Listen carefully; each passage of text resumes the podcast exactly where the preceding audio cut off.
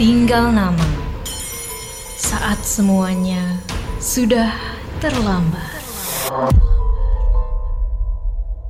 Sobat Medio, ada yang baru nih. Udah tahu belum? Ada kosan Hai loh, kongko santai bareng Hai. Ada Bani dan juga Anya yang siap ajak kamu seru-seruan, main games, dan juga bikin kamu ketawa sampai perut kamu sakit di tiap obrolannya. Dibuat santai aja. Yuk, sambil dengerin podcast Kosan Hai, persembahan video baik KG Media dan Hai di Spotify. Walau konten audio berdasarkan kisah nyata, beberapa adegan, tokoh, dan kejadian telah dimodifikasi untuk menambah unsur dramatis. Konten ditujukan untuk audiens dewasa karena dapat mengandung bahasa eksplisit dan berunsur kekerasan. Kebijaksanaan pendengar sangat disarankan. Selamat datang di podcast Tinggal Nama. Podcast persembahan Media Podcast Network bekerja sama dengan Intisari dan Motion Radio menghadirkan kisah kriminal dari seluruh penjuru dunia yang bersumber dari artikel terbitan Intisari. Sebelum mendengarkan, jangan lupa untuk klik follow podcast Tinggal Nama dan beri rating terbaikmu. Follow juga Instagram, TikTok, dan Twitter kami di @medio by KG Media agar tidak ketinggalan informasi podcast lainnya. Kamu bisa berlanggaran Intisari Plus di plus.intisari.grid.id dan Intisari akan memberikan diskon sampai 50% untuk berlangganan majalah Intisari di atas satu bulan melalui gridstore.id.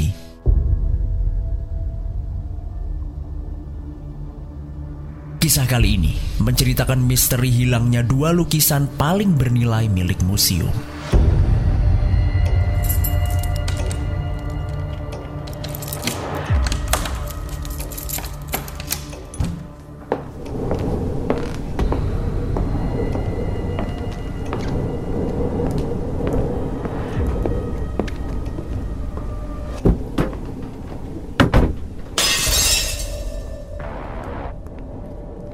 Tanggal 21 Desember 1971 sore, Satpam bernama Jackie Joubert bertugas mengunci pintu-pintu museum kota tua Prancis yang terletak di tepi sungai Loire itu.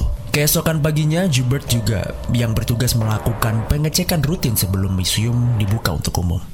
Mula-mula, ia pergi ke sel Hollandaise, ruang Belanda yang berisi lukisan para pelukis Belanda. Begitu pintu dibukanya, angin dingin menerpa wajahnya.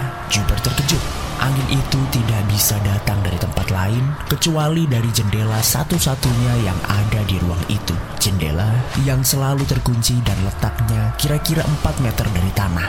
Jubert segera masuk. Dilihatnya kedua daun jendela terpentang. Tiap daun jendela mempunyai 12 kaca. Salah satu kaca itu pecah dan pecahannya berserakan di lantai. Di antara beling-beling itu ada batu.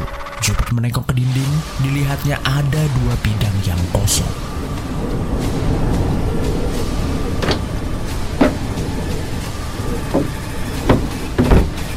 Madam, museum kemalingan. Hah? Cepat cek lukisan apa yang hilang. Madam, lukisan terbaik kita gak ada dua-duanya. Apa? Maksud kamu lukisan Van Hoyen dan lukisan Rembrandt? I iya, Madam. Cepat telepon polisi sekarang juga.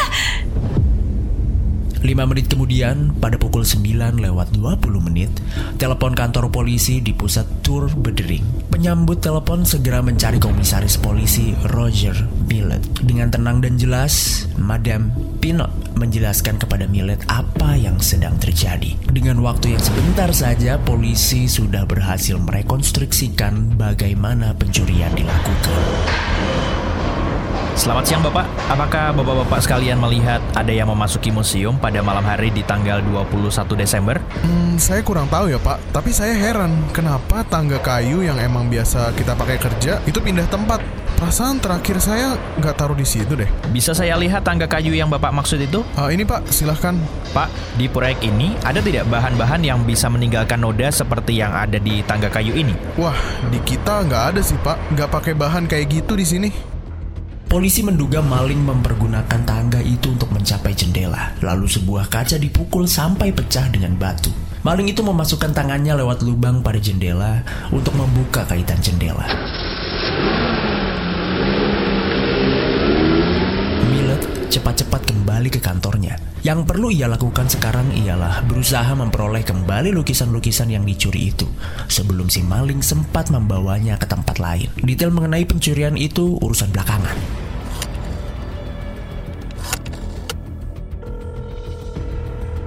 Millet menghubungi bukan hanya kantor wali kota dan markas besar polisi nasional serta pabean nasional, tetapi juga organisasi museum-museum Prancis dan markas besar Interpol di Paris selain berbagai individu. Keesokan harinya dua orang polisi berpengalaman dari Orleans, Inspektur Hubert Boisseau dan Pierre Malahud datang untuk bergabung dengan Billy dan kawan-kawan yang bekerja 24 jam. Lukisan Rembrandt itu lukisan kebanggaan kota Tours. Jadi gimana pun caranya, lukisan itu harus kembali dan siapa pun yang mencuri harus dihukum. So, strategi dan karena kita nggak menemukan sidik jari, sidik sepatu, atau sedikit pun jejak yang ditinggalkan maling ini. Gimana kalau kita periksa detail buku tamu hotel-hotel dan Oke, kita cek. Buku tamu pada hotel-hotel pun diperiksa dengan seksama. Tetapi nama-nama yang dimasukkan ke komputer polisi tidak satu pun yang termasuk dalam daftar hitam polisi ataupun mempunyai hubungan dengan dunia hitam. Sampai saat ini kita belum dapat petunjuk apa-apa. Tapi gimana pun juga, kita harus temukan dan harus menaruh curiga dengan sekitar dan orang-orang yang berkaitan dengan kasus ini. Nah, kalau gitu dan coba kita selidiki latar belakang semua karyawan museum dan semua pekerja proyek yang ada di sekitar museum. Oke, laksanakan sekarang. Siap dan Selang beberapa jam kemudian, Hubert menghubungi Millet untuk memberitahukan hasil pencariannya. Namun, semua hasilnya negatif. Hmm, kita harus mencari skenario lain untuk menyelidiki kasus ini. Selama sebulan ini, kita coba untuk menjadi mata-mata. Jangan sampai orang-orang mengenali kita sebagai polisi. Menurut kalian gimana? Saya setuju dan nggak ada salahnya kita coba cara ini. Siapa tahu bisa dapat petunjuk. Gimana kalau kita berpakaian preman? Kemudian untuk sasarannya itu bar dan kafe. Bisa kayak gitu. Langsung kita laksanakan sekarang aja, gimana Dan? Oke, kita bagi dua tim. Saya menjalankan misi bersama Inspektur Hubert dan Pierre bersama Millet. Kita jalankan skenario ini dalam kurun waktu sebulan. Tapi harapan saya bisa secepatnya kita bisa memecahkan kasus ini. Jalankan misi ini dengan sebaik-baiknya. Selama sebulan, polisi-polisi menjalankan skenario-nya dengan harapan bisa mendapat keterangan yang bisa menghantarkan mereka kepada si pencuri. Tetapi kembali lagi, hasilnya tetap nihil. Pencuri atau mungkin pencuri-pencuri lenyap tanpa bekas. Bulan Februari tahun 1972, Inspektur Charles Pontramon dari Kepolisian Nasional Prancis di Rue des Saussures, Paris, membaca sebuah telegram yang disampaikan oleh Interpol Prancis yang berkantor di gedung yang sama. Telegram itu asalnya dari Interpol Wiesbaden di Jerman. Bunyinya kira-kira, menurut informasi rahasia dari kepolisian Berlin, dua lukisan yang dicuri di bulan Desember 1971 yaitu pelarian ke Mesir oleh Rembrandt dan pemandangan laut oleh Van Gogh berada di Berlin selama beberapa hari untuk dijual ke Amerika Selatan. Jika Anda mempunyai keterangan perihal pencurian itu, harap kirim pada kami. Halo, Komilet, gimana perkembangan terakhir terkait lukisan yang hilang itu? Kami sudah berusaha dengan berbagai skenario untuk mendapatkan petunjuk, tapi hasilnya masih nihil. Sampai saat ini kami masih melakukan penyelidikan, dan kami sangat menerima jika memang ada informasi yang berasal dari luar mengenai lukisan yang hilang ini. Saya kemarin sempat baca telegram yang disampaikan oleh Interpol Prancis. Itu ada informasi rahasia dari kepolisian Berlin kalau dua lukisan itu ada di Berlin beberapa hari untuk dijual ke Amerika Selatan. Kamu udah coba itu untuk menghubungi kepolisian Berlin? Sudah, sudah. Kami sudah menghubungi dan balasan telegram dari Jerman kalau pihaknya juga sudah menginformasikan. Jika memang ada yang melihat lukisan curian itu, harus segera melapor ke kepolisian terdekat. Kemudian akan langsung disampaikan kepada kami. Saya juga dapat info kalau sebenarnya yang mendeteksi keberadaan lukisan itu bukan Interpol, tapi polisi Berlin bagian anti pencurian. Lalu Interpol menyampaikan hal itu ke komisaris kepala Hansdater dari Berlin Barat. Namun 11 hari sebelumnya, Deter ditelepon oleh orang tidak dikenal. Halo, saya pengacara di Berlin Barat. Mewakili klien saya ingin memberikan informasi kepada pihak kepolisian. Klien saya sudah ditawari lukisan buatan Rembrandt seharga 100 ribu Deutschmark. Berdasarkan info dari klien saya, dia bukan hanya ditawari lukisan buatan Rembrandt, tetapi juga lukisan Van Gogh. Kalau memang lukisan itu jadi dijual, rencananya akan dibawa ke Amerika Selatan. Bisakah kami diberitahukan identitas klien Anda? Oh, maaf. Saya nggak bisa menyebutkan identitas dari klien saya tersebut. Ada sebab-sebab tertentu yang dia inginkan kalau namanya dirahasiakan saat ini. Baik, apakah ada informasi lainnya yang bisa Anda sampaikan? Klien saya yakin lukisan-lukisan itu dicuri dari Amsterdam.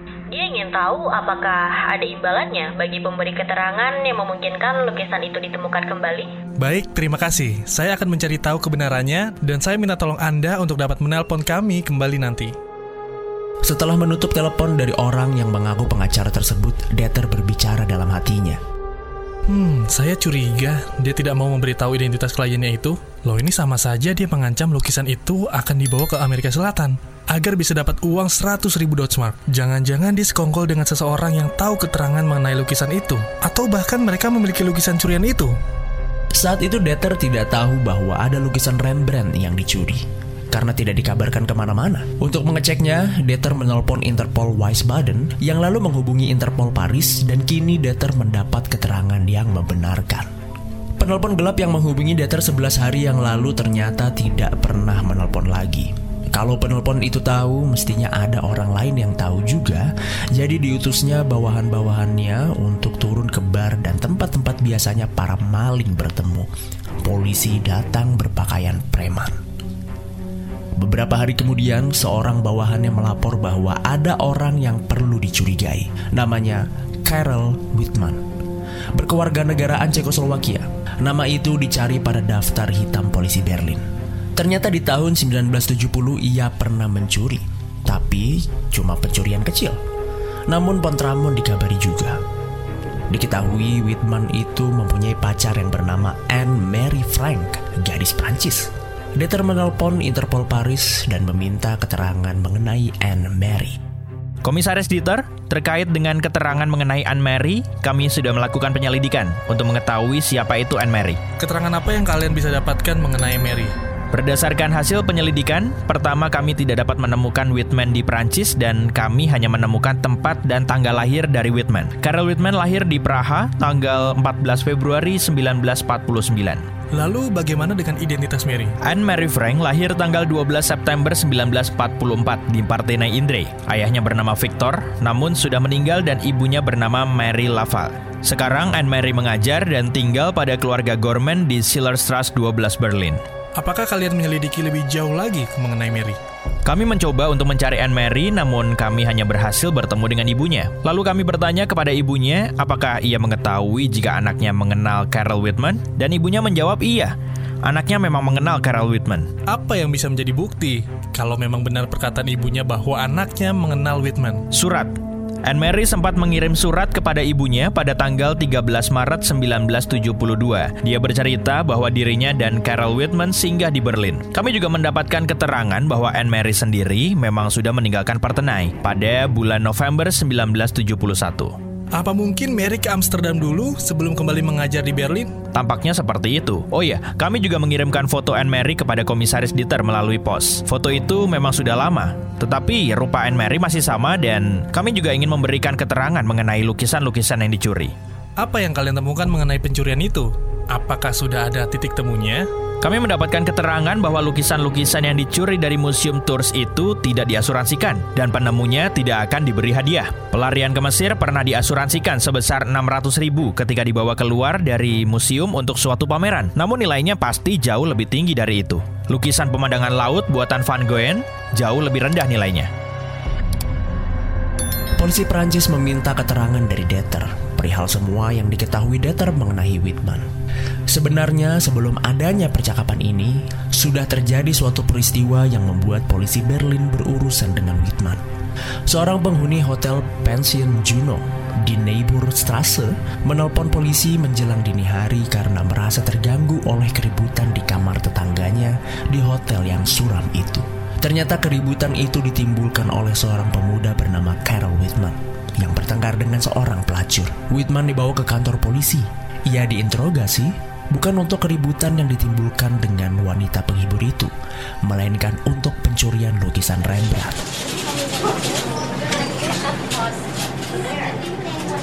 Kalaupun pernah, mungkin saya lupa. Saya sakit jiwa akibat kecelakaan di masa kecil, Pak. Sehingga harus dirawat di rumah sakit jiwa. Kamu nggak usah menyangkal. Beritahukan kepada kami dengan sejujur-jujurnya. Kami tidak akan berhenti bertanya jika kamu belum memberikan keterangan yang benar. Oke, betul. Saya punya teman perempuan di Tors. Dan mungkin Anda benar kalau saya bertemu dia di Tors. Orang-orang bilang kamu sangat menyombongkan diri. Kalau kamu adalah pencuri lukisan Rembrandt di Tours, apakah benar? Dan kenapa? Apa alasannya? Saya benar-benar nggak tahu tentang lukisan itu. Waktu itu mungkin saya lagi mabuk, jadi ngaco ngomongnya. Polisi Berlin tidak punya alasan untuk menuntut Carol Whitman karena orang tidak boleh ditahan lebih dari 24 jam tanpa tuntutan dan Deter melepaskan Carol Whitman di tanggal 28 Februari pagi. Setelah itu, Whitman lenyap Sejak musim panas tahun 1972, seorang pelayan kafe dan seorang temannya selalu tampak minum bir sampai mabuk di sebuah kafe di Heidelberg. Teman pelayan kafe itu namanya Von Arndt. Von Arndt itu pernah berulang-ulang mencuri, tetapi ia cuma maling kelas teri. Kalau ia sudah mabuk, ia tidak henti-hentinya mengoceh, membualkan kepandaiannya mencuri. Kalau kamu bisa menjual lukisan Rembrandt, baru namanya jagoan. Maksudmu aku bukan jagoan? Memangnya selama ini kamu berpikir kalau kamu tuh jagoan? Kamu jangan main-main ya. Aku ini maling yang ahli. Aku bisa dengan mudah mencuri tanpa jejak. Kalau cuma menjual lukisan itu, ah kecil. Aku ini bukan orang bodoh yang bisa percaya sama omongan kamu. Oke, lihat aja. Aku akan buktikan ke kamu kalau aku memang jagoan. Beberapa hari kemudian, Von Arndt muncul di kamar sewaan pelayan kafe itu, membawa seorang lain yang diperkenalkannya sebagai Fritz. Kamu beneran punya Rembrandt? Gak ada di sini. Harus tunggu beberapa waktu untuk pengambilannya. Maksud kamu apa? Emang di mana ngambilnya? Hmm, bohong ya. Jangan-jangan kamu cuma ngaku-ngaku aja. Aku punya temen, dia orang Swiss dan dia udah nemuin seorang pembeli. Oke, nanti saya usahakan ya. Ketika itu, akhir musim gugur 1972, hampir satu tahun setelah lukisan itu dicuri. Si pelayan kafe itu menelpon ke Berlin. Whitman, lukisan itu udah nggak ada lagi di saya. Saya perlu waktu paling tidak ya tiga minggu untuk mendapatkannya. Kok bisa? Ke mana perginya lukisan itu? Hmm, saya nggak tahu. Makanya saya perlu waktu. Saya akan kabarin kamu kalau memang sudah ketemu. Ya sudahlah, mau gimana lagi? Temukan lukisan itu dan kabari saya.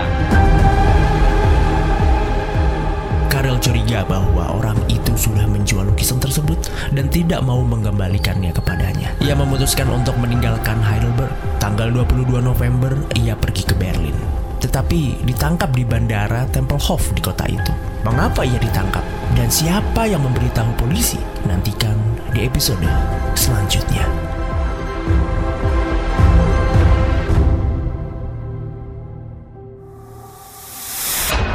Jangan lewatkan episode Tinggal Nama selanjutnya. Saat semuanya sudah terlambat, yang tersisa hanyalah tinggal nama. Tinggal